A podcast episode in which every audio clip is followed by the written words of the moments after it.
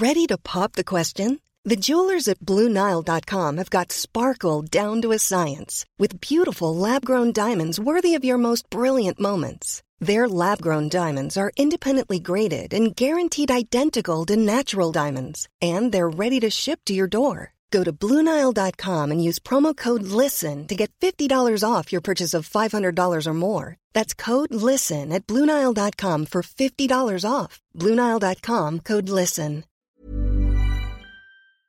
Sportbladets Premier League-podd sponsras av 1X2.se.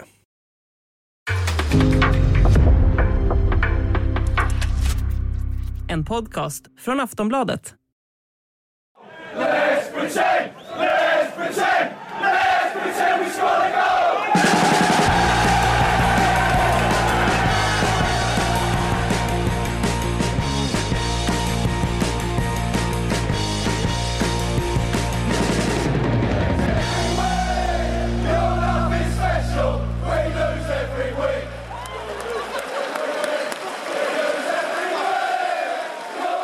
Sportbladets Premier League-podd eh, konstaterar att eh, Benitez är borta men Makoto och Frida är med.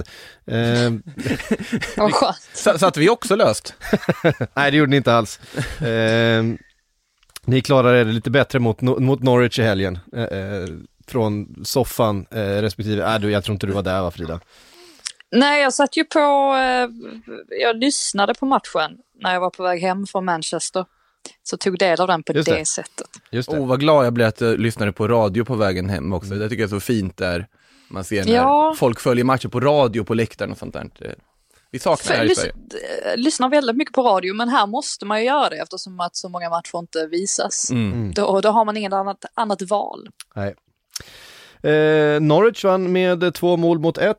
Eh, det stod 2-0 efter bara 17 minuter och då, då kände man ju verkligen att julen, julen till slut hade trillat av helt och hållet. Eh, sen kom det väl en liten upptryckning utav, eh, utav Everton i andra där och, och fint mål såklart utav, utav Richarlison. Men förlust mot Norwich, det, det går inte längre, det gick inte längre, det var inte hållbart. Rafa Benitez lämnade i ett av de mest känslolösa eh, avskeds, eller vad säger man, förväl meddelandena någonsin. Det bara konstaterades från Everton att eh, Rafa Benitez kom hit i juni och nu har han lämnat. Vi återkommer med vem som tar över. Ja, Det var inte mycket tack för den här tiden. nej det var ju inte det. Och det precis som jag sa så lyssnade jag ju på eh, radiokommenteringen och fick ju då veta att det var någon som sprang in kort efter Idas 2-0 mål där och eh, uttryckte sin frustration på det sättet. Jag såg dessutom en bild på den här planstormaren och han hade glömt att dra upp gylfen. Det var det jag registrerade. Välkommen till Liverpool. Ja, eh, och det var, var ju, fanns ju dessutom en banderoll uppsatt som eh, tydligen Norwich matchvärdar försökte ta ner men misslyckades med. Så att eh, det, var- det var ju inte som att det rådde god stämning redan inför matchen och dessutom då att hamna i underläge så tidigt efter så slappt försvarsspel. Jag tycker till och med att det är klart att ett, ett självmål kan man inte alltid hjälpa, men jag tycker faktiskt att Keens positionering, där sättet han sticker ut benet på är ganska slappt. Mykolenko ska ju stänga ner det inlägget dessutom. Det var, ja, det, det, det var, det, det var ingen inställning, eh, ingen, ingen vilja överhuvudtaget, över, överhuvudtaget hos Everton-spelarna. Och man var ju dessutom förvånad över att Richarlison satt på bänken, för att när han kommer in så gör han ju det här fantastiska cykelsparksmålet då. F- Då undrar man vad är, vad är det som pågår egentligen? Alltså hela Everton är ju så kaotiskt så att de, att de satt i krismöte sen senare under kvällen, det var ju väldigt väntat. Men jag måste säga att jag ändå är ganska förvånad över hur snabbt det har gått ut för, för att Everton inledde ju ändå säsongen ganska pikt och det såg lovande ut med eh, Emma Andre Gray inte minst. Som var, eh, eller Andre Gray, Nej, herregud. Demarai Gray. Demarai Gray, ja, precis. Gray. Vad gör Och, Andre eh, Gray? Vart är han nu? Vi, vi tar reda på det. Ja, det är skitsamma. ja, Eller vad, vad sa du? Vart är, vart är Andre Gray? Jag blev, blev eh, så... Inte han eh, är Queens Park Rangers? Ja, det är han nog kanske. Ja. Ja. Oavsett vad så, de inledde ju pikt, det såg ändå lovande ut och sen är det precis som att allting bara har rasat samman, inkluderat då att Rafa Benitez inte har kommit överens med vissa spelare. Så att det här var ju, det här var ju oundvikligt, men eh, ja, jag antar att många Everton-supportrar skulle säga att det var väntat, men jag tycker väl inte att det var väntat att det blev så här kaotiskt som det ändå blev på slutet. Men alltså det är, så, det är en så otroligt underlig sits de sitter i just nu. Alltså jag, vet, jag såg väl någonstans där skymta förbi där att någon, någon jag tror det var The Athletic som skrev det, att det liksom beskrivs som alltså Game of Thrones-känsla, att alla går omkring och vet inte riktigt när de kan få sig liksom, få, få liksom huvudet avhuggt för att de inte har någon aning om vad som händer. Det är alltså ett situation där Benitez då väldigt kort innan i princip har vunnit en maktkamp där sportchefen Marcel Brandt försvinner, där alla möjliga personer i den ledningen försvinner, mm. där Moshiri då tydligt tagit alltså ställning för alltså Rafa Benitez. Han får möjlighet att sätta prägeln på det här transferfönstret. Han värvar in sin vänsterback och skickar Lucas Ding till Aston Villa. De värvar in, ja, Patterson från Rangers hade varit intressant oavsett i och för sig. Och sen då Anwar El Ghazi som känns som en så här typisk Rafa Benitez-värvning, någonting han har hittat där han har sett en potential hur han ska få in honom. Och sen så här, El Ghazi har knappt hunnit presenteras och säga hej till sina lagkamrater innan Benitez är kickad. Så nu är de mitt i ett transferfönster, de är mitt i det som, ja de är inblandade i en bottenstrid nu, så, så enkelt är det. Och de har ingen ja. tränare och ingen idé. Nej men det där med El Ghazi också var ju, för, så var, han var ju inte ens på tal, det var ju inte förrän, eh, förrän Eh, förrän Aston Villa ens nämnde hans namn som, som de började fundera på att ja, men han ska man kanske plocka in. Jag tycker mm. att det är väldigt symptomatiskt kring hur, hur lite, ja, men hur, hur obefintlig plan Everton och framförallt då Moshiri har haft från första början. Han, han har ju nästan varit lite som en, alltså som en lottovinnare som plötsligt får så här 100 miljoner på banken och sen så gör han bara av med det utan att ens tänka på vart pengarna tar vägen. Helt, helt ouppstyrt från första stund och just det här att de bara avverkat manager efter manager och ingenting har fungerat. Jag tycker ju inte att han borde ta beslut, fatta besluten efter i alla fall. Alltså han, Marcel Brands eh, kändes ju ändå som, som en kompetent sportchef men han måste ju ha in någon ny nu som kan vägleda honom för att det är uppenbart att Moshiri har ingen aning om vad han pysslar med. Så är det ju. Ja, det känns det som att, eh, och dessutom så har man ju gjort sig av med en, med en massa annan personal runt omkring, alltså eh, det medicinska teamet, där har det också eh, avslutats en del anställningar när man inte tyckte att det har levererats eh, tillräckligt. Så att det finns ju liksom en hel organisation att bygga upp här. Och ingen att göra det förutom Moshiri. Um, det är, ja, det, är, det, det, är riktigt besvärligt. Det är liksom Duncan Ferguson, ska han, eh, ska han ta över nu och de ska bygga någonting runt honom? Och ska vem... han sköta värvningarna? det kan hända vad som helst. Man säga, har, de har haft sex, eh, sex tränare på sex år och den enda konstanten i allt det här har varit Duncan Ferguson och han sitter starkt. För vem ska knalla in där och meddela honom att ja, Men det är, ju, det är ju det som är så, det är ju det som är så chockerande också nu liksom när man hör, hör att det pratas om ersättare. Jag menar alltså bara när Graham Potters namn nämndes, alltså man skrattar ju lite, skulle han verkligen Nej, lämna aldrig. Brighton som är så välskött för Everton? Alltså det kan ju inte finnas på kartan just nu. Han var ju ett namn för några år sedan som kom på tal och då hade det mm. kanske varit enklare för Everton att plocka honom. Men då gjorde de inte det och det var väl faktiskt Brand som ville ha in Potter yep. dessutom. Ehm, och sen så nu Roberto Martinez, jaha ska man plocka in en tränare som man har sparkat en gång tidigare? Alltså, jo fast med Thierry Henry. Så att då kommer de lära sig att då skjuter man in ja. stolarna på presskonferenserna. Det I alla fall där får vi Everton då, någon ja, men, form av ordning.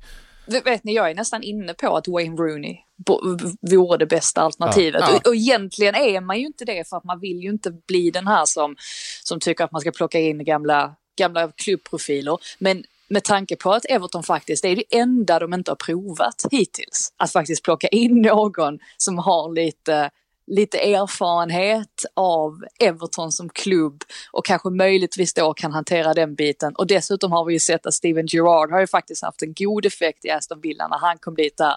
Wayne Rooney, alltså minst lika stort namn.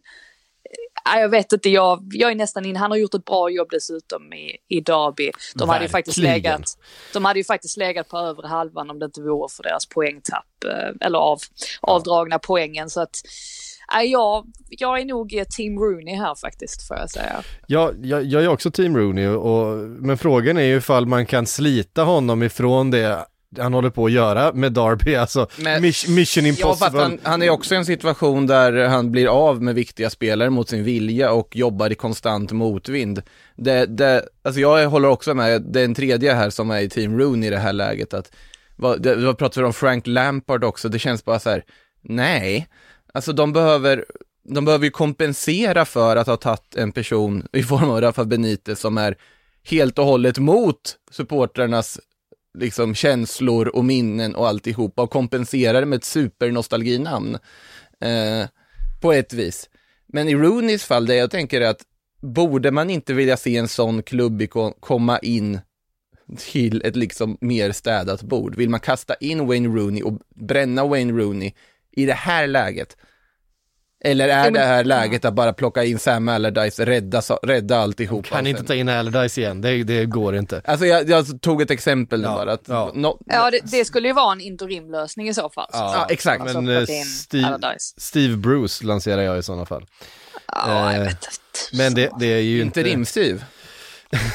Det, ah, Men sen, det, sen dessutom så eh, vet att jag läste för bara någon vecka sedan att Derby kan bestraffas med ännu fler poängavdrag. Så jag tror inte att den situationen, att de skulle kunna göra en sorts great escape, jag, jag vet inte. Jag, jag tvivlar på att det skulle avgöra huruvida Rooney skulle lämna eller inte. Det kanske är mer alltså, sentimentala skäl i så fall eller att man, han kanske känner att han inte vill svika spelarna som faktiskt är kvar. Jag, Ingen aning såklart hur han, hur han resonerar kring det. Det, alltså, han har ju nog svårt att tacka nej till Everton. Det är ju det också. Jag tror också det. En gammal klubb liksom. Det, ja. Du Ja, går upp i Premier inte. League, men det är ju som sagt, vill man ta över dem i det här skicket? Det är ju det som är frågan, men något, något Han, har han, inget att, för- han har inget att förlora egentligen ju. Faktiskt. Nej, Och alltså, han har, han har så ändå också. hyfsat, alltså hyfsat okej spelare att jobba med. Det är väl försvaret som behöver styras upp något. Men annars vet vi ju även om de såg alltså fullständigt, alltså såg bakfulla ut mot Norwich. Men vi vet ju att många av de spelarna ändå har en, en sorts högsta nivå och att Richarlison han är en bra anfallare, Dominic Calvert-Lewin, han ska vara en bra anfallare. Det finns ju ändå lite att jobba med, tänker jag. Ja, alltså truppen, det är ju det. Är ju det. Truppen är ju absolut för bra för att hamna där de är just nu. Det är ju liksom, det är helt uppenbart att Rafa Benitez ryker med tanke på resultaten de har gjort. Det som blir så konstigt är ju som sagt att han valde väg och bara bryter den vägen utan någon form av backup-plan. Nu pratar Mashiri alltså, bara någon månad senare. Och nu sitter de i ett läge, man sitter ju bara och funderar över, det är så många människor man undrar vad de tänker just nu. Lukas Ding undrar jag vad han tänker. Mitt. Han är nog nöjd. ja, i och för sig. Fick ju spela, Ja, spela från start i Ja, det är, Villa. det är Perfekt. sant. Ja, det är sant i och för sig, men alltså, ja, El Ghazi som vi nämnde måste jag också fundera över vad, vad, vad gjorde jag nu, liksom, var jag hamnat? Eh, Marcel Brand sitter säkert också och funderar, jaha, hur gick, jaha, vad hände här då? Men kanske skrattar lite förnöjt samtidigt. Äh, det, det är otroligt tråkigt, för man, Everton är ett sånt lag, nu kanske inte Psyk håller med här, men det är ett sånt lag man vill se liksom, ja men jag håller med. ja, men verkligen lyfta på allvar och Absolut. komma in. Det har vi pratat om jättelänge och så kommer jag tillbaka till de här liksom ja, underliga besluten och underprestationerna och äh, jag tycker det är jättetrist. Ja, ja, det är tråkigt. Frågan är vad som, eh, vad som händer nu, men som sagt, eh, podden här tar ställning för Wayne Rooney. Det tycker jag, ja, det, det tycker jag vi kan, eh, vi kan basunera ut. Är det, är, är, det, är det första gången vi alla är överens om någonting? Jag det är ju kanske det. otroligt i så fall. Någon mer gång måste vi väl ha varit överens om någonting. Det, är- det är osäkert. Ja, osäkert. Eh, jag tror också att vi är överens om att Manchester City är ett eh, otroligt bra fotbollslag. Eh, Frida, du var på plats. Eh, Ja. Och såg Manchester City vinna, visserligen bara med 1-0 mot eh, Chelsea, men det hade kunnat vara Ja, alltså det, det, kändes, det kändes ohotat på något sätt, jag vet inte. Det, de är bara, eh, vi har pratat om att ja, men tre lag har sprungit ifrån de övriga, Manchester City, eh, Liverpool och Chelsea, liksom en liten liga för sig. Frågan är om inte Manchester City är ytterligare en liten liga för sig ovanför Liverpool och, och, och Chelsea nu med, med distans, inte minst i tabellen men också bara spelmässigt och hur de fungerar. Det finns inga svagheter i det här laget på något sätt. Nej, alltså de dikterade ju villkoren och det är ju lite grann så när, eller lite ja. grann, det är mycket så när man City spelar att det, det är mycket upp till dem själva hur en, en match ska arta sig. Och de tillät ju inte Chelsea ställa om allt för många gånger och just det här med att eh, med City, jag minns det från en match, ja men jag tror det var matchen mot Fulham på Craven Cottage det måste ju ha varit, måste ha varit förra säsongen va? Var Fulham uppe då? Jo det var de. Som eh, ja, men när, det inte fanns, det var inga supportrar på läktarna så att man hörde väldigt tydligt vad alla tränare skrek åt spelarna. Och varenda gång som jag vet John Stones fick bollen nere i backlinjen så skrek de åt honom bara behåll, keep the ball, keep the ball. Alltså, de menade på liksom men stressa inte. Var inte för snabb nu med att slå en boll liksom framåt i, i, eh, i djupled och sådär. Och det är, ju, det är ju lite Man Citys devis det här med att så länge du har bollen så kan inte motståndarna göra mål. Och liksom de var snabba på att ja, men, återta bollen när Chelsea väl hade den så var de just bra på det här med att suga åt sig andra bollarna och sen så behålla den också. Och då blir de ju extremt farliga och också väldigt tröttsamma att möta som motståndare. Sen såg ju inte den här matchen, det är ju det som är så märkligt också för att inledningsvis så lovade ju den här insatsen betydligt mer jämfört med Chelseas insats på Stamford Bridge när de var totalt tillbakatryckta. Mm. Nu lyckades de ändå spela, ur, spela sig ur ett par gånger och spela sig upp. Men problemet var ju att det saknades ju helt kvalitet på sista tredjedelen. Visst, det pratas mycket om att Romelu Lukaku, han måste ha rätt person bredvid sig. Och han, eh, han kommer inte, han, han får liksom inte passningarna han, han ska ha. Samtidigt så, alltså hans touch var ju helt bedrövlig. Liksom de andra, det var inte bara han utan alltså Christian Pulisic har jag, jag har helt tappat all tro på honom. Det, det är någonting som inte stämmer där. Tidigare hade han ju i alla fall sin fart och nu tycker jag mest att han springer runt och ser liksom ängslig ut. Det är nästan som att han inte vågar ta maxlöpningar och jag vet inte om det är något mentalt som har satt sig efter hans senaste skada eller vad det nu är. Och Ziyech, alltså hans touch var ju inte heller var ju inte heller spel och beslutsfattning överhuvudtaget var ju inte heller särskilt bra så att just den lagdelen fungerade ju inte alls och när man dessutom då har Marcus Alonso som tar ett gult kort efter, vad var det, 6-7 minuter mot Raheem ja, Sterling. Jäklar. Alltså, ja men vad, Marcus Alonso är ju hyfsad när han får gå framåt eller alltså kliva mm. uppåt i banan. Han är ju inte bra defensivt så att det känns som att hela hela Chelsea, de, de lider ju enormt mycket såklart av att Reece James och Ben Chilwell saknas. Och då har de på något sätt tappat sin, sin edge lite grann. Det är som att de inte får till balansen på sista tredjedelen. Men jag, jag räknar väl med att vi kommer inte se den här konstellationen speciellt många matcher till för att Pulisic och Lukaku och Ziyech, de, de imponerade ju inte ihop om man säger så. Alltså, man, när man tänker, man glömmer ganska lätt bort hur mycket pengar de faktiskt la på Christian Pulisic en gång i tiden. Och liksom vilka stora förhoppningar han kom in med och han har ju varit, alltså någon sorts, ja han är där, eh, hyllas naturligtvis mycket i hemlandet och, och så vidare, men eh, han, är, han är ju liksom så här, rotationsspelare som du kastar in i bös, men han sticker aldrig ut, han gör något mål här och var och så vidare. Nej, men jag tycker det, det, grejen med Christian Pulisic är ändå att han besitter en väldigt hög högsta nivå. Han, han gör den där typen av inhopp ibland, eller till och med matcher, där han eh, ser helt fantastisk ut. Men, men det var all... ett tag sedan. Men det var ett tag sedan och i de allra flesta fall så, så blir det väldigt mycket alibispel. Eh, mm Eh, Eh, det, det, är verkligen känslan och, och det, det, funkar inte riktigt. Och det, var ju, det blev ju så uppenbart från första minuten att vilket övertag Sterling hade på, eh, på Alonso och eh, Sar som var innanför. Alltså de var tvungna att vara båda två mot Sterling hela tiden och det var Ja men dels vid, vid kortet men fem minuter senare då gick han på andra sidan om Alonso istället gick in innanför och det är ju det är, det är en eh, centimeter ifrån att han, att han inte når bollen utan orsakar en straff där. Nu vart, blir det en perfekt brytning på, mm. på Sar, men det är ju eh, det, det, det, var ju svettigt för dem eh, från början på, på den vänsterkanten och, och Sterling var väldigt bra den här matchen, eh, skulle jag säga. Jag tycker han har hittat tillbaks till en, eh, till en väldigt fin form. Ja, ja, den har ju varit alldeles strålande och det är det här som kanske är den stora skillnaden. Alltså, Båda de här lagen har ju på pappret fruktansvärt mycket offensiv kompetens. eh, en jättebredd ur offensiva led. Jag tycker Chelsea har det också, om man tittar vilka spelare de har. Men det är tydligt, Pulisic, Ziyech, ja, Havertz, Werner, Lukaku nu för tiden till viss del. Det är ganska tydligt att alla på något sätt underpresterar för tillfället. De kommer inte upp i den här nivån man förväntar sig att de gör, som man vet att de kan göra.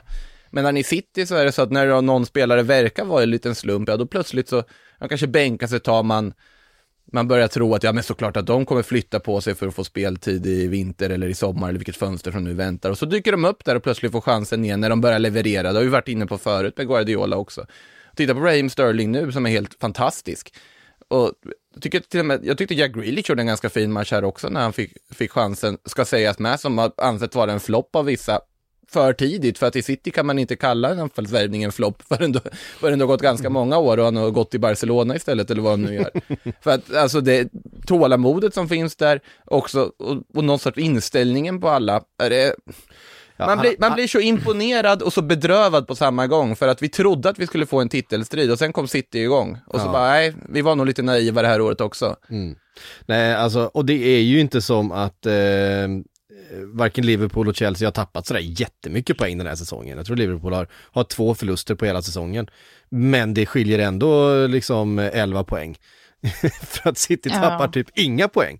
Eh, och de kommer ju liksom göra en till sån här säsong med 100 poäng eller någonting i slutändan. Och, eh, och det har inget annat lag i sig eh, i dagsläget. Och vem är det som avgör den här matchen? Kevin De Bruyne som vi har ifrågasatt lite hur, det står till med hans form. Han han, han har varit som en slags eh, eh, jag, sparkapital den här säsongen. Men hur många matchvinnare har de? Alltså det, det är det. Hur många potentiella matchvinnare finns det? Finns hur många som helst. Ja, nej, men vi, prat, vi har pratat mycket om Bernardo Silva under den här säsongen. Han var ju rätt anonym i den här matchen.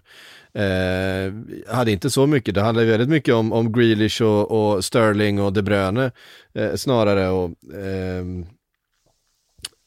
De Bruyne liksom eh, som sätter avgörandet och, och då kan man istället ha en Bernardo Silva med dem. Men de för, Foden var väldigt fin också. Eh, Till matchvinnare som, man- som man har där som också har haft lite tveksam form stundtals, men som bara plötsligt går in och gör. Mm. Alltså det finns ju alltid någon som kan avgöra matcher. Det finns alltid Det var, någon. det var dock Foden som eh, jag tror han gjorde Pep Guardiola mest upprörd längs sidlinjen. Alltså om det var någon som, som Pep verkligen tycktes frustrerad med eller över så, så var det faktiskt eh, Phil Foden. Det var några saker han gjorde kanske där. Han skulle ha haft lite bättre beslutsfattning och, och så. Men i övrigt så eh, det är ganska roligt att se de två bredvid varandra, Tuchel och, och Guardiola, för båda två är ju alltså, fullständiga galningar ju. Alltså väldigt, lever sig in i matchen, matcherna ju på ett väldigt speciellt sätt. Och Tuchel han, eh, han var ju upprörd där inledningsvis över att ja, Störling eh, Sterling tog sig förbi Alonso gång på gång och så vände han sig om och sitter ändå en ganska bra bit från honom så hör man ändå hur han vrålar liksom.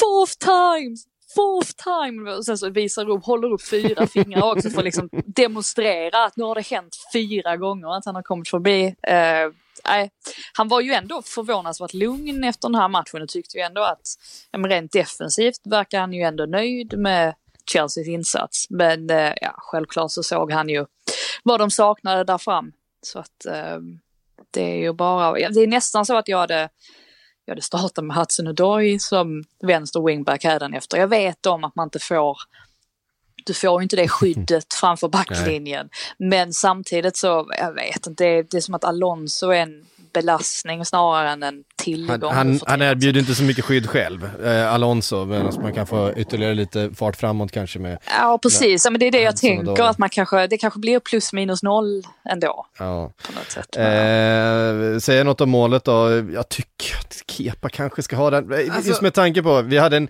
en, en kort, kort diskussion i vår chatt, där jag, min, min första känsla var, han kan bara skjuta vid den stolpen, därför att eh, Thiago Silva har ju täckt första stolpen. Så att det enda alternativet, och precis då så tar Kepa ett kliv åt andra hållet. För att, för att säkra upp första stolpen, men det, okej, om han då på något sätt vrider in den eller slår den mellan benen på Thiago Silva, det må, måste ju vara en sak. Men han ska, den är Men inte här- helt här- in till stolpen heller. Här känner jag ändå, vi hade aldrig haft den här diskussionen och börjat analysera på den här nivån att han täcker där och tar steget där, om det inte var Kepa som stod. Vi hade aldrig jo, det, pratat jo, om det det. tror jag. Jag jo, tror jag, jag, jag tycker, hade, hade, hade Mendy stått hade han tagit den. Jag tror Jo, jo. också det, jag Ja, tror också det. Absolut, Eh, men om Mendy hade gjort det där, så hade vi aldrig sagt att det där var målvaktstabbe. Nej, jag tycker inte att det är en tabbe. Jag tycker bara att det är, eh, det är inte jämfört med liksom Martinez som vi kommer komma in på sen då i mellan, eh, som är, Eller, eller han i, Där, det var en tabbe. eller han i Elfenbenskusten här. ja precis, ja, men, en, en tabbe tabbe, men jag tycker att det är, jag- alltså, jag tror också att Mendy hade tagit den för att, för att eh, Thiago Silva med sin rutin, han gör ju precis det. Alltså han, han täcker ju skottet, han täcker ju insidan. Han håller ihop benen för att bollen inte ska gå där. För att ge målvakten en så bra chans att liksom välja stolpe och, och placera sig medan Kepa står felplacerad. Eh, det är ju, visst det, det är lite hårt men, men det är ju å andra sidan matchens enda mål. För där har ju Chelsea liksom försvarat sig med näbbar och klor mot den här, det här massiva bollövertaget och de skapar ju oändligt mycket halvchanser City. Det är inte jättemycket helchanser. Det är Grealish friläge eh, som såklart ska vara mål. Eh, det är någon till. Och det här är inte en hundraprocentig målchans från därifrån De Bruyne tar skottet.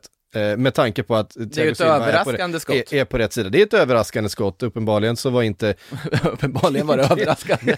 Kepa helt med på Alltså, det. ja, Ja. Det, är ju- det är mer det man inte riktigt förstår det är ju att alltså, hans positionering, hur han går till, man ser ju hur han går, han lutar sig mot, alltså till höger. precis. Alltså hur, hur han inte kan veta att skottet ska komma till vänster om honom. Det, det, det är väl det man saknar i, i det fallet. Han, han ska väl inte hängas för det men samtidigt Nej. så jag, jag tror att Mendy, jag tror att han hade tagit Hade jag varit, hade, hade jag varit Thiago Silva hade jag varit lite sur på att den bollen ändå gick in i den, eh, i den bortre stolpen. Men det, eh, det ska ju som ja, målvakten ska ha i det ja, läget. Såklart han är felplacerad, men samtidigt om då De Bruyne, om Thiago Silva inte hade gjort det här agerandet och inte tänkt så långt som man gör i det här läget och De Bruyne då drar in i första, vilket jag också sett många göra från det här läget, då hade vi sagt att Kepa gör något genialt där som Vilket, vilket, vilket De, De Bruyne gillar att göra, han gillar att dra mot första, absolut. Eh, men, men han Och hade... det, är ju ett, och det är ju ett väldigt bra avslut. Alltså det är en Ja, väldigt bra det är- aktion ja, det är av De fruktansvärt- Bruyne. Alltså det är bra. det är världsklass. Ja, Men visst är man det kan väl ha två tankar i huvudet samtidigt kanske. Ja, vi försöker. Vi försöker. Vi gör vår bästa här. Vi, eh, vi bara konstaterar att eh, City la ännu lite luft mellan sig och Chelsea då. Eh, I den där, vi får väl ändå kalla det titel, eh, titeljakten, eh, så även om det börjar, det börjar bli avgjort där. Ja. Men alltså det det. Klopp, Klopp tror ju fortfarande på en titeljakt. Gör inte det? Ja, Han vägrar det- ju stänga den dörren. Det hade varit tjänstefel att inte tro på det Ja, i januari liksom. ja, Liverpool har en hängmatch eh, då, vilket det skulle vara, innebära åtta poäng efter. Ja, vinner man matchen mot City, då är det fem poäng bakom. Och det är klart att fem poäng, det kan hända, sen så, eh, ja, det är ju mer eller mindre att Liverpool ska gå rent. Vilken är, eh, är, det, är det matchen mot Leeds som är hängmatchen Eh, från Boxing Day? Crystal Palace va? Crystal eller är det-. Eh, Eller är det Leeds? För de skulle väl ha mötts på Boxing Day? Just och- det. De har en Leeds-match som Ja, är, eh, ligger och hänger. Ja. Precis.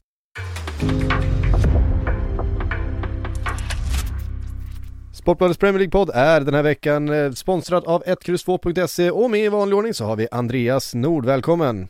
Tackar, tackar Patrik. Hur är läget? Kolla mycket fotboll. Ja, det är mycket fotboll, eh, fortfarande en och annan match som ställs in, eh, vilket det gör att vi har en hel del kvar att ta igen. Eh, så vi får väl tipsa om det, om man vill ha koll på vad som händer så kan man gå in på 1X2.se och läsa era rek, eh, för ni har ju liksom det senaste om vad som händer om matcherna och, och hur trupperna ser ut och så vidare. Absolut. Jag vill även tipsa där om att man kan gå in på twitch.tv slash 1x2se när vi sänder live. För då sitter vi ju och snackar om matcherna som är just för dagen. Så då har vi verkligen pinfärsk eh, koll på läget. Mm, ja det är ju klockrent. Har du några eh, färska speltips till oss den här veckan? Ja, jag har ett inför matchen imorgon här, tisdag. Brighton gästas ju ut av Chelsea och de här lagen möttes ju ganska nyligen faktiskt på Stamford Bridge och då spelade Brighton en riktigt bra match tycker jag och lyckades få med sig en poäng. Så jag kommer spela Brighton att klara poäng till 2,20 gånger pengarna även denna gång. Ja, de spelar ju alltid kryss. Ja, de gör ju det. Det är många kryss när Brighton är inblandade. Fyra torsk bara på hela säsongen, så de är riktigt svårbesegrade ska sägas. Ja det är de verkligen. Så kolla in det och fler speltips och såklart eh, Twitch-kanalen på 1X2.se.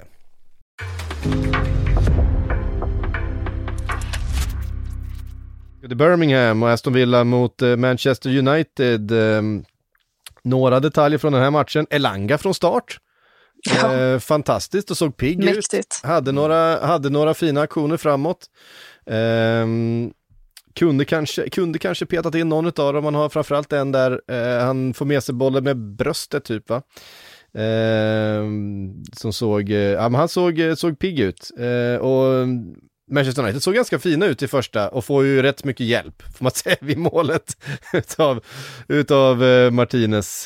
Det, var en, det var en riktig tabbe det. Uh, påminner lite om din Hendersons miss på Vinaldums skott då för ett par ja, säsonger var... sedan. Men den här var ju värre än den. Ja, det var, ja, det var ungefär samma nivå. Alltså, han, har, han får den ju alltså, i magen och ska skopa upp den och lyckas. Ja tappa ner den mellan benen på sig själv. Han, lyck han lyckades skylla på att han var skymd också, vilket jag helt obegripligt. Okay, du var, du var skyd, men, skymd, men du fångade också bollen. I... men han, var ju, han var ju stressad av att han insåg att Robin Olsen kan dyka upp snart. Li, li, Kände pressen. Lite, li, lite karma ändå från, äh, ja, med, med tanke på mötet på äh, Old Trafford och hur det slutade där med att Martinez var högst inblandad i äh, att psyka ut Fernandes. lite så kändes det just då i alla fall. Ja. Men de här första 30, man får väl säga 30 minuterna, det var kanske möjligtvis de bästa 30 minuterna som United har gjort under Ragnik. Men mm. problemet är ju att det sa vi väl när de mötte Crystal Palace också, att de lyckas hålla uppe den nivån i typ 30 minuter och sen började så smått krackelera och mot slutet där när Aston Villa trycker på, alltså de ska ju inte få spela sig igenom på det sättet. Alltså det, det, det gick ju, Aston Villa gjorde det väldigt bra och ryckte upp sig ordentligt efter halvtid. Men samtidigt så tyckte man ändå att det kändes, det gick lite för enkelt. Alltså Man United borde ha gjort det svårare för dem också att ja, Verkligen. komma in i det. Det kändes som att de slutade försvara, bara bestämde sig för nej nu, nu är det klart. Och sen bara släppte igenom. Sen, som sagt, återigen, med två tankar i huvudet så är det ju, det Aston Villa gör det fruktansvärt bra, men United ska göra det bättre också. Ja, eh, nästa punkt på listan är ju Coutinhos inhopp. Eh, Mm. Tillbaks, eh, tillbaks i England eh, och tillbaks då mot en gammal ärkerival eh, Manchester United. Och um, han, han sätter ju ett enormt avtryck på den här matchen, inte minst för att han skapar det första målet och gör det andra, eh, som gör att matchen slutar 2-2.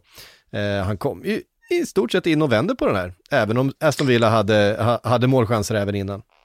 Och som han flängde sig fram också, alltså då när han drog in 2-2 målet. Alltså han hade ju faktiskt, var, Gerard sa väl det efteråt också, att han hade ju faktiskt kunnat åka rakt in i stolpen. Men han visade mod, tyckte mm. Gerard. Och ja, det gjorde han ju definitivt. Han var ju fin också i, i intervjun efter matchen. Han är ju så himla det är ju verkligen en blyg kille och jag, mm. jag, tänkte lite på det när, för det var någon som sa att, ja men varför, varför gick det inte bra i Barcelona? Jo, nej, men Felipe Coutinho är inte den sortens person som kan bära upp en sån prislapp för att han är en, en blyg och försynt kille. Så undrar man lite grann att det är rätt märkligt det där med att, jaha, måste man vara extrovert och eh, ja, men uppumpad om man ska bära upp en sån prislapp. Det är också lite, lite märkligt resonemang. Vi vet ju att han är en bra spelare och här fick vi faktiskt se det också väldigt snabbt, vilket jag tror bådar gott för hans fortsatta karriär. Mm. Det var ju också när Coutinho kom till Barcelona att Alltså premissen som Barcelona värvade honom på var ju så underlig att man såg honom som någon sorts Iniesta-ersättare, vilket är det sista Ja, det var otacksamt. Ja. otroligt otacksamt. Det, så här, ja, såklart en megaflopp på alla sätt och vis att Barcelona, alltså den värvningen, hur han liksom, vad den gav och så vidare och vad den har satt Barcelona i för sitt. Men samtidigt, det är inte som att Felipe Coutinho gick omkring och var alltså urusel i matcherna, utan han var ju bara anonym. Men här, såklart att det ger, mycket, det ger honom enormt mycket att få komma in i en offensiv roll här och få leverera och visa, men jo visst, jag kan fortfarande spela fruktansvärt bra fotboll. Och man tänker ju här att Barcelona måste också sitta och jubla när de ser det här. För att veta att ja, men vi kanske faktiskt kan få honom såld trots allt. För Barcelona kommer han ju inte spela igen. Um, I alla fall inte om man fortsätter så här. Och han har ju faktiskt, han har ju faktiskt lagt sig till med den typen av mål som han, alltså där när han petar in den till 2-2. Mm. Det är ju faktiskt någonting som han, han har lagt sig till med sedan han lämnade Premier League. För de satt ju och sa det i studion efter att oj, ja, men det där var ju inget klassiskt Coutinho-mål. Men det har han ju faktiskt börjat göra. Eller att han, man har ju sett det en del i, i Bayern och, och Barcelona och sådär. Så att han, han är inte riktigt samma spelare som en gång lämnade de brittiska öarna och som nu har återvänt. Men han verkar nöjd av att vara här i alla fall. Mm. Eh, Ja, och ja, men det är ju en spännande miljö. Vi måste, vi måste prata lite om Jacob Ramsey, eh, 20-åringen ja. som eh, har kommit in från, ja men typ ingenstans. Han kommer från eh, akademin antar jag. Ja. ehm, i, i Aston Villa och har ju slagits in och gör, gör ett ehm, eh, och spelar ju fram till, till Coutinho eh, i det andra och ser, ser riktigt, riktigt spännande ut tycker jag. Det är inte ofta man ser en sån komplett ung mittfältare. Nej. Alltså han, han känns ju verkligen som en sån som har hela bagaget på något sätt. Ja, alltså ett... ehm, Bagaget, paketet. Hela paketet. Nej men ver- verkligen kanske, kanske den här säsongens största, största genombrott, ehm, skulle jag nog vilja hävda. Ehm, och, och ja, men det ser, ser riktigt, riktigt fin ut. För det är ju bra spelare som han, som man har att konkurrera med på det där, på det där mittfältet, eh, utan tvekan. Men eh, som det ser ut just nu så går det inte att peta honom. Nej, det är han och, han och Gallagher som man, Jag tänkte på Ja. Gallagher också. man där. är, ja, som man är, man är hänförd över Ja, än så länge precis. på eh, centrala mittfältet. Jag tyckte ändå att vi, vi, vi, Gallagher hade kanske ett litet genombrott förra säsongen också.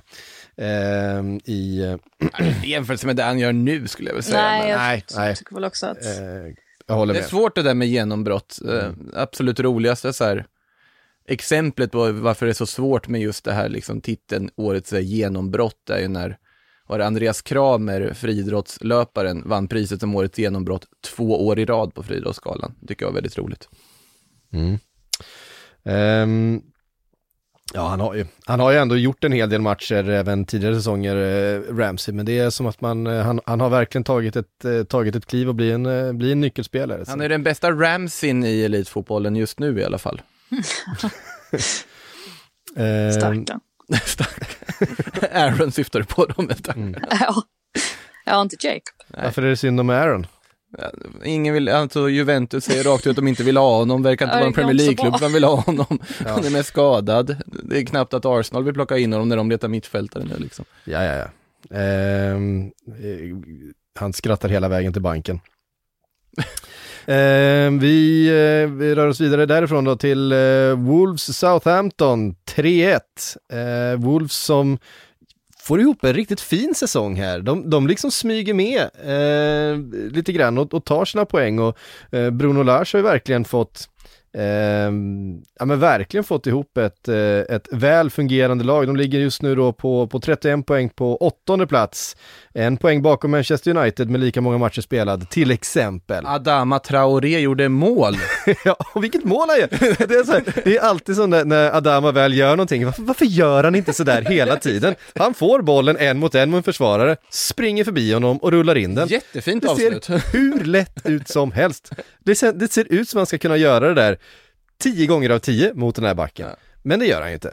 Eh, Han försöker få till en flytt nu kanske till eh, Tottenham är det väl. Han, Ja. är, han är närm så han, han måste börja sätta lite, lite baljor. Men det var Ja. väl hans, det var hans första mål. hans, hans första mål för den här säsongen. Det Eh, säger, det säger en del också, hur mycket han eh, bränner. Ja. En annan som man borde lyfta fram i den här matchen är ju faktiskt Toti Gomez, som de säger här borta, som ju har ju ändå varit i Wolves ett tag. Men, eh, ja, vad är det, två år eller någonting sånt där, men har ju aldrig fått spela och fick debutera nu från, från start i, till vänster i, i backlinjen. Jag Mm. tror han hade en, en kommunikationsmiss med den Donker, men i övrigt så satt han inte en fot fel. Och tycker dessutom att, ja det är Cody som gör, han gör inte heller speciellt många mål, men han gör ju mål i den här matchen. Och sen så Killman då som fortsätter vara en, en liten personlig favorit och tycker definitivt att Gary Southgate borde ta sig en titt på honom för att han var, han var också bra matchen igenom så att eh, ett stabilt försvarsspel inte minst från, från Wolves sida. To- eh, Totti har alltså, han heter faktiskt inte Totti utan Toti. Eh, bara en, på, på eh, Premier Leagues egen sida, han har inte ens en bild. Eh, utan han är Nej, nej, han är ju helt anonym. ja. he- helt, helt anonym. Men han är portugis. Såklart han är portugis. Det är det jag menar. Precis. Det är 95 procent av truppen. Men, Eh, eh, men, men alltså nu visst det blev förlust för, eh, för Southampton men vi måste prata om Ward Prowse mål. Alltså, otroligt. herregud vilket skott han har den pojken. Det är ju, jag, vet inte, det, det, jag har inte koll på alla ligor i världen men, men det kan inte finnas många i världen som har ett eh, lika bra tillslag som honom på liggande boll. Det, han, kan Det ju, fin- han, kan ju, han kan skruva, han kan slå den platt, han kan skruva, alltså du vet, det är ingen annan som skjuter därifrån. Vad är det, 35 meter? Ja, och det finns ju framförallt bara en enda spelare som gjort fler frisparksmål i Premier League än vad han har gjort. Och det är ju David Beckham som Mm. står på 18 tror jag och Ward Prowse är uppe i 12 nu. Han kan ju mycket väl Ja, slå visst. det. Om man fortsätter så här. Men det är helt otroligt. Och just det här att, för jag tycker man har blivit van vid när Ward Prowse när han slår frisparkar att det oftast är en liten skruv på bollen. Men här är det ju som att den går, den går väldigt flackt och sen bara ändrar den riktning helt plötsligt och blir helt otagbar. Och stackars José Sa som ändå gjorde en väldigt, väldigt bra match och många starka räddningar. Här hade han ju definitivt ingen chans. Nej, och det, och det som var intressant med inför här är att till, alltså kommentatorerna påpekade det också att ja, fan, han ställer upp, han ställer ändå upp två pers i muren härifrån. Det där är ju inte, ett, det är, det är inte en distans man någonsin ser skott ifrån längre. Eh, men, men José var ändå liksom med på att ja, det är ändå Ward Prowse, han kan försöka sig på någonting här. En extra man i muren för att, för att hålla första stolpen och så här. De, eh, de försökte ta lite höjd för att här kan det smälla till. Men det är liksom, finns inget att göra. Det är en sån projektil bara upp i krysset. Ehm, Ja, men, men just det här med, eh, som jag nämnde också, att det här tillslaget, det är ju, alltså man har sett att Cristiano Ronaldo tar frisparkar till exempel, det är ju liksom mer, det är ju inga skruvar där, utan det är ju bara få den här tillslaget så att bollen wobblar, att du inte har någon liksom, att bollen inte rullar så att säga, att den inte skruvas. Och det är precis ett sånt tillslag som bara Ward Prowse bara plockar fram ur, eh, ur verktygslådan och bara dundrar på. Det är ett helt fantastiskt tillslag. Ja. Ja, men vi har ju sett honom, vi har ju sett honom knorra bollarna både mot, mot båda stolparna, vi har sett honom slå, slå hörner och frisparkar eh, som bara sitter på pannan på, eh, på medspelarna. och Tänk sådär. om han var bra på annat också. Ja, nu får vi, vi får alltid Southampton-supportrarna på oss när vi... Ja, men han, är ju, han har ju faktiskt varit, det får man säga, att jag vet inte hur många gånger jag har plockat ut honom i veckans lag eh, de senaste månaderna. Mm. Han har gjort alltså, otroliga insatser, alltså, även bortsett från sina fasta situationer. Han är väldigt arbetsam, Mm, Ja. jobbar otroligt hårt. Så Dukt- utan honom så hade inte Southampton varit, varit mycket. Eh, nej men en duktig, eh, duktig bollvinnare. Det man önskar är att han hade haft det där tillslaget även liksom på rullande boll. Eh, vilket han inte riktigt har tycker jag. Eh, utan det, är- det är väldigt mycket eh, set pieces som han eh, gör sina poäng på. Eh, men, eh, nej, men otroligt nyttig. En av Southamptons allra största eh, håller han ju på att bli om han inte riktigt, om han inte redan är det. Ja, alltså, Ja, kapten. Och, Ja, men, och nu pratar jag liksom inte bara här och nu. Matt Eh, Letizier. Ja. Letizier är svårpet, svårpetad. Ja, så, så men- är det ju, men alltså, bara det faktum att han fortfarande är kvar i Southampton säger väl egentligen det mesta om vad han håller på att bli för den klubben. Alltså, det är, man blir glad att se det. Ja, och det känns ju som att han är precis på den där nivån där, där eh, man ser ingen riktig anledning till honom, för honom att gå någon annanstans. Han är, han är precis där han ska vara. Ja, men om man hade kunnat slå till de där bollarna på rullande boll, då hade det ju varit my- mycket mer alltså, problem för honom att avgöra om han ska vara kvar i Southampton eller inte, om vi säger så. Ja, det, det var i alla fall, det var helgens mål för min, eh, eh, för min del i alla fall. Det, utan tvekan. Vi tar oss vidare till eh, Liverpool som slog Brentford med 3-0. En hel del frågetecken inför då, vem som skulle göra målen. Det visade sig att det var Fabinho som fick kliva fram och göra sitt första för säsongen, eh, väl. Eh, och öppna målskyttet, sen så eh, rasade, det var faktiskt andra för säsongen ja, jag tänkte, och han gjorde väl ett i, i ligacupen här va? För Ja, just det. Ja, jo, men det gjorde han. Eh, Eller FA-cupen, vad var det? Ligacup, FA-cup, oh, det är så mycket. Ja, ja, Någon oavsett inte heller. Eh, FA-cupen var det. Ja, precis. Eh, mot Shrewsbury, va? Just det. Eh, för just att det varit inga Ja. mål i ligacupen mot eh, Arsenal. Ja, just det, han var en av de, han var just det ordinarie defensiven där ja. Ja, Precis. precis. Oxlade Chamberlain och eh, Takumi Minamino fick peta in en Makoto. Alltså, grejen med honom är att jag, jag ser ju tyvärr att han, jag tycker inte han är bra nog för Liverpool. Alltså, han är inte riktigt bra. Du, är, du erkänner det nu? I januari. Januari 2022. Ja, men jag har ändå haft ett förhoppning, det har man ju alltid, att man har ändå en förhoppning att det ska lyfta. Man såg ju vad han gjorde i, i Salzburg en gång i tiden också, och speltiden har ju ändå varit, den går ju att räkna Han upp på fått en chanser. Ja, men inte så många liksom så här utpräglade lång, långdragna chanser i de större matcherna och det är ganska förklarligt för att då har Salah Mané framför. Nu är det ju ett sånt läge där han måste steppa upp.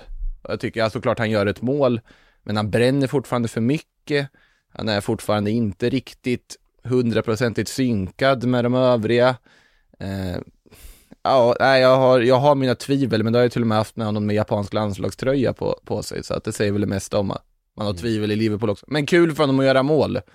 Ja, I alla fall. ehm, Framförallt är det skönt här att ytterbackarna levererar som sig Ja. bör med Alexander Arnold och Robertson. Då är ju Liverpool, ja, då, då, ska, då ska de ju inte gå och slå egentligen när de är, båda de är påslagna. Enda orosmolnet är väl att Oxlade Chamberlain klev av skadad. Det trodde man ju aldrig man skulle säga att det är ett orosmoln, men med tanke på vad man, vad man Ja. har eh, på bänken just nu så, så är det ju inte bra. Nej, eh, så är det ju med tanke, dessutom med tanke på att det, det blir ganska intensivt matchande här eh, framöver. Origi skadad. ehm, Och Timingen. ja. ja, det är ju så. Å andra sidan så kanske vi får se, eh, eh, vad heter han, eh, Gordon, Kylie Gordon. Kaidi, ja. Ehm, Det är ett väldigt ovanligt förnamn. Ja, men, ja, men det är ju väldigt, hör det inte till att vara en liksom, talang i Liverpool att ha ett ovanligt förnamn? jo, Alltså, absolut så. Neco Williams liksom. Neco som, Nico. Ja, N-E-C-O, Ja, Eh, Neco. Nico. Ni- Nico. Ja, nej, jag, jag Nico. tänker ju på Neco, alltså det japanska ordet för katt. Jag tänker Ja, Katt okej. Williams när jag ser honom, men det Okej, men här, här i England säger man här i England. Ja. Eh, nej men otroligt, eh, det är alltså Trents, eh, ska vi se här, ehm, ehm, är det hans tionde assist för säsongen? Ja, det var assist nummer 10 och assist nummer 43 i karriären, bara i ligan. Och han är alltså 23 år gammal. Eh, då kan man ju nämna en sån som, en spelfördelare som Paul Scholes kom upp i 55 assist på hela sin, på hela sin karriär. Ehm, det säger någonting om hur mycket 43 assist eh, för en 23-åring är från en hit- Ja. höger, högerback. Och då ska man komma ihåg att Andrew Robertson är upp, nu uppe i, i 41 assist, det var hans 41. Eh, men han är ju ett par år äldre. Ehm, Ja, de är ju helt otroliga, Mm. båda två. Men Alexander Arnold, ja. Man undrar ju hur det kommer att sluta om han nu säger att han ska stanna i Liverpool hela sin karriär och förhoppningsvis om han får Mm. vara skadefri också. Eh, han kan ju sluta på alltså, helt svindlande siffror om det fortsätter så här ju. Ja, Med men- kaptensbindeln möjligtvis. Ja, det är ju den han, eh, det, det har han ju sagt att det är hans, hans dröm ju att få vara, eh, bli lagkapten för Liverpool i, eh, i framtiden och det känns ju om ett par säsonger här när eh, kanske Henderson har, har eh, slutat, det finns ju ett par andra, eh, van Dijk och så vidare som antagligen kommer ha den där bindeln i någon period också men sen om Trent stannar, ja men bara det att ha en, en kille från, från stan, uppvuxen tvärs över eh, träningsanläggningen liksom, då, då måste binden bara på. Det, det går hem i Liverpool-kretsar kan jag tänka mig. Det- Det gör ju det.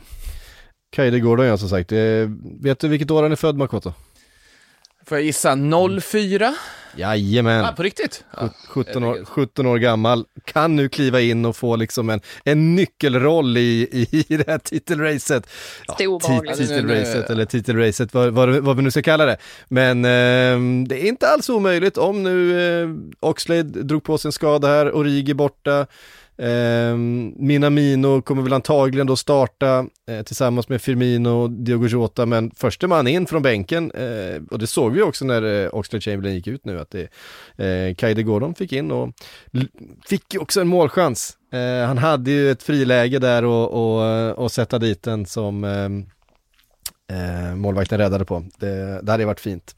Men eh, Kaide Gordon kommer vi nog få se lite mer av närmsta, närmsta veckorna. Vi går vidare därifrån då och eh, tar oss till West Ham eh, där Hammers Yay. tog, sig, tog emot Leeds i en underhållande tillställning. Hattrick från Harrison. Kul för honom. Det, det var högst oväntat, om man säger så. det var, det var, jag vet inte vad, vad fantasyprocenten var på Jack Harrison, men eh, eh, det kan inte ha varit många som eh, hade honom inför den här, säsong, eh, inför den här matchen. Nej, han har ju faktiskt haft det ganska kämpigt Mm. den här säsongen hittills. Har inte alls stått ut som han gjorde under förra säsongen. Så att, eh, det var väl kul för honom att befinna sig på rätt plats vid rätt tillfälle ju. Som det väl var i alla fall på 2-0 målet där när han eh, i princip bara stöter in bollen. Absolut. Men det var precis som du sa, det var ju en fantastisk match att, att se med eh, alla dessa mål. Sen var det ju kanske inte Ja, alltså det var inte optimalt för Leeds. De startade väl matchen med sju man skadade och efter 23 minuter så hade de ju nio man skadade istället. Och West Ham utnyttjade väl det lite när de fick in kvitteringen där genom att ja, det var lite rörigt i Leeds för tillfället eftersom det var en del positionsbyten och sådär. Men Leeds var påslaget den här dagen och David Moyes var ju inte nöjd efter matchen för att han menar ju på att ja, men, vi i West Ham vi har ju fått spela tre matcher på, på en vecka eh, och Leeds har inte behövt göra det. Och det är väl klart då att vi, att vi är trötta och jag har, har väl viss förståelse för det, absolut. För att West Ham såg inte riktigt ut som sig själva, särskilt inte i försvarsspelet. Det är inte ofta de tillåter den typen av mål som de släpper in här. Och eh, det är ju det som, som fäller dem. Zuzek saknas kan man väl säga också, alltså om man bara tittar på laget. Det, det känns ju lite framtungt att ha Bowen, Lanzini, Fornals, Vlasic och sen Rice. Ja, nu, nu, om någon ska kunna hantera det så är det ju Rice liksom. Men Ja. samtidigt, Ja, sen har ju inte Zuzek, han har ju inte varit sådär jättebra heller. Alltså, han var egentligen som bäst när Declan Rice saknades i, i en match eh, för inte så länge sedan. Men absolut, Declan Rice var ju helt omringad här på, på mittfältet så att han kom ju inte riktigt till sin, till sin rätt heller. Nej, ehm, och det som är intressant också är ju att med, med Leeds och alla, alla speltapp de har haft, de hade ju kunnat få den här matchen inställd tror jag, om de hade ansökt om det, men de gjorde ju inte det. Nej men det kanske finns någon form av moral hos den gode Marcelo Bielsa att eh, förstå att vi kan inte bara sitta och ansöka om att eh, ställa in och flytta matcher beroende på hur vår trupp ser ut. Bara, bara en liksom fundering i allmänhet, utan att lägga någon värdering i andra klubbars beslut att göra detta. Hade varit väldigt Bielsa. Att, att resonera så och ha, Ja, och ha, den typen av fint. princip, Det är princip, väldigt fint. Eh, principfast på det sättet. Det finns, Eh, det finns ungdomslag, han har Gällde och Bait åt att kasta in, så då finns det ju en trupp uppenbarligen. Eh, ja, det är intressant, eh, inte minst med tanke på då att vi hade till exempel ett North London Derby som vi hade sett fram emot som fick ställas in i, i, eh, igår. Som måste spelas någon annan gång. Ja, det, är ju, det råder ju fullständig kaos nu såklart ju i eh, Premier League och bland klubbarna. Alla är ju väldigt upprörda över hur det här har gått till. Och Premier League det är ju de som har försatt sig i den här situationen helt Mm. på egen hand så att man känner ju inte sådär jättemycket sympati mot dem direkt. Men eh, det är klart att man måste lösa det här. Man ska ju inte kunna... Nu sägs det väl liksom att Arsenal fick den här matchen inställd.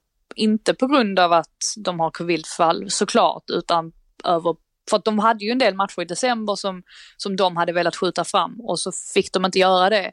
Och då ska det här vara någon sorts kompensation för belastningen som de spelarna eh, drog på sig under den månaden.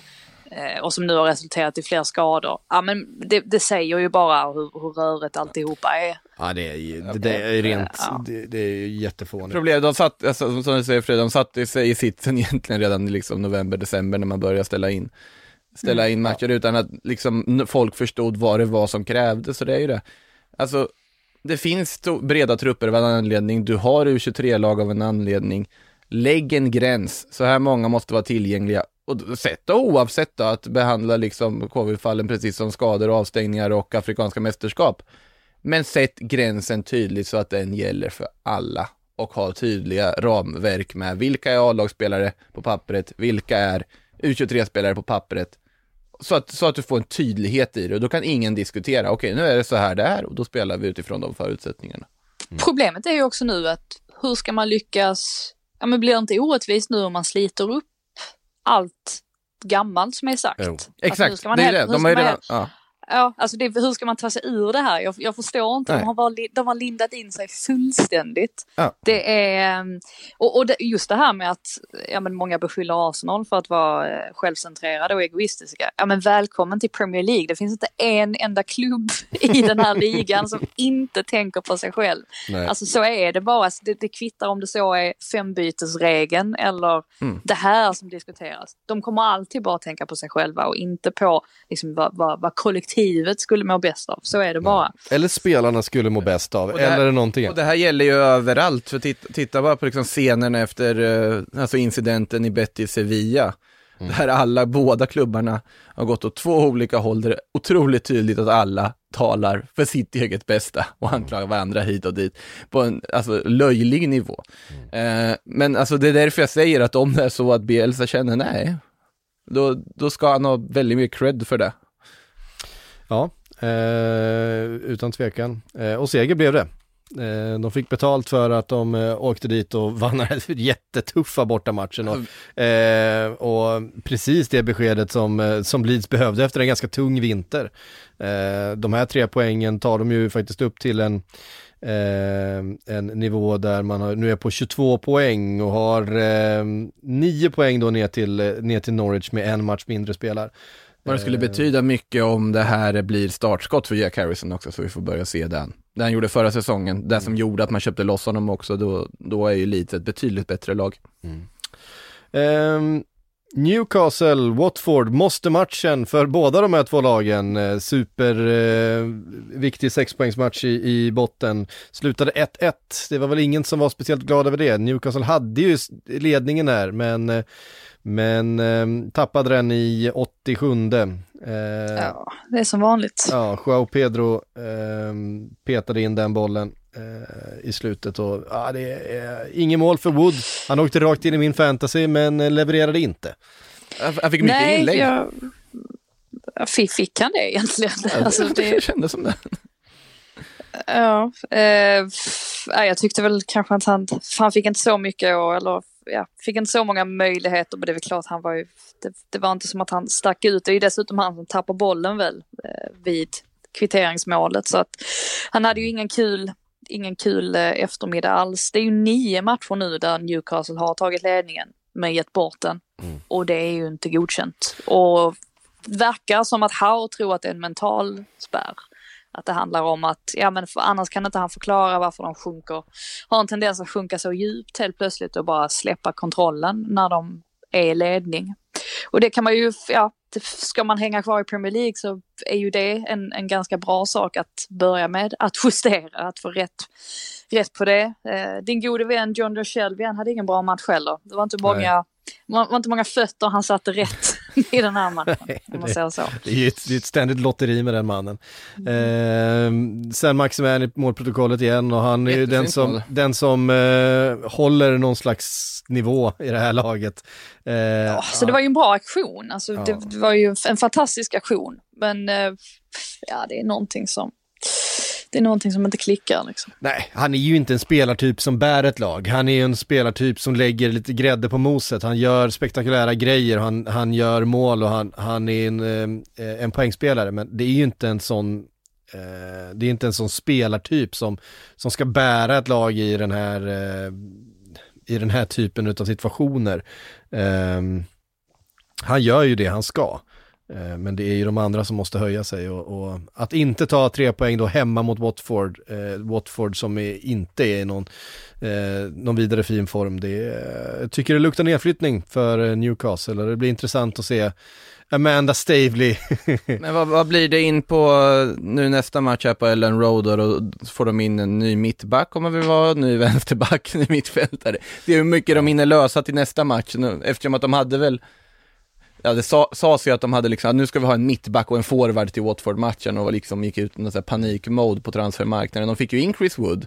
Men nu, nu, kommer de väl vara i ännu mer panikläge att få in en mittback som ska slängas in rakt in i hetluften här borta mot Leeds. Ja, det, det, behövs ju helt klart. Alltså mm.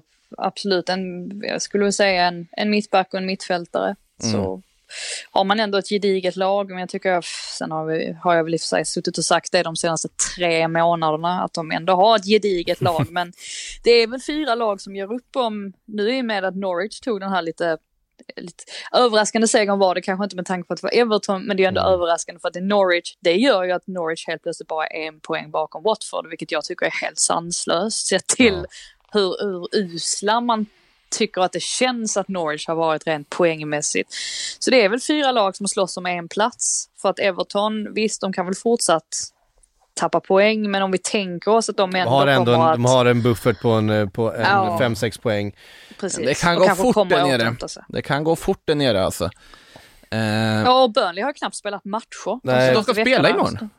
Vilken ja, grej. Men de, ja men precis, men står ju på 17, har ju bara spelat 17 matcher i nuläget så det är svårt att ja. veta hur många, många poäng de kommer att ta. Ja. ja det är ju det, Burnley har ju faktiskt eh, fyra matcher mindre spelade än Norwich. Eh, fem matcher mindre spelade än, än eh, lagen i toppen. Ja, det är helt, helt bisarrt alltså, men eh, det ska bli väldigt kul att se vad Burnley gör då med vetskapen att vi har två poäng upp till Norwich och fyra matcher till godo. Mm. Ja, Burnley-Watford ikväll är ju en, eller imorgon är ju en riktig rysare alltså. Eh, en till sexpoängare.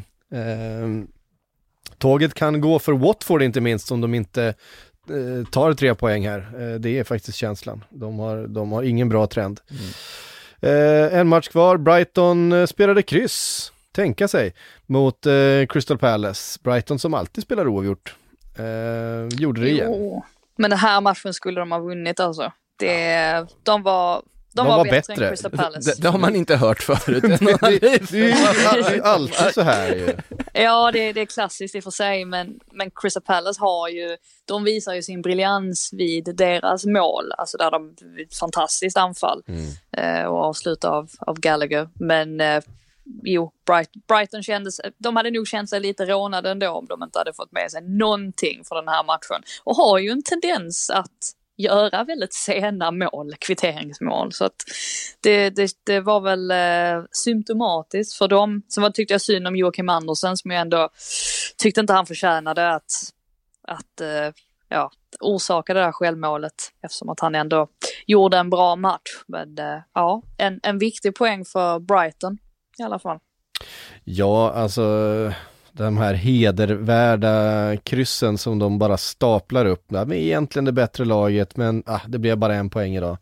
Eh, mm. De måste börja konvertera dem till, eh, till tre poängare alltså. Det ska ju sägas ja. att, att Jack Butland gjorde en, en väldigt bra match. För kul att se att han får skina lite. Sen var ju Pascal Gross straff var ju fullständigt bedrövlig så att den var ju inte så svår att rädda men han stod ju för ett par riktigt vassa räddningar där, i, särskilt i andra halvlek. Så att eh, kul för honom att få ett litet uppsving i, i karriären. Han har ju inte haft det så lätt på, på sistone. Mm. Eh, mm, mm, mm. Vi eh, ska svara på lite frågor. Eh, vi tar, eh, ja det är många som ställer frågor om, om Manchester United och Ragnik och krisen. Andreas eh, Kossi skriver, eh, kaos United, finns det någon ljusning? Ragnik har floppat, framtiden oviss.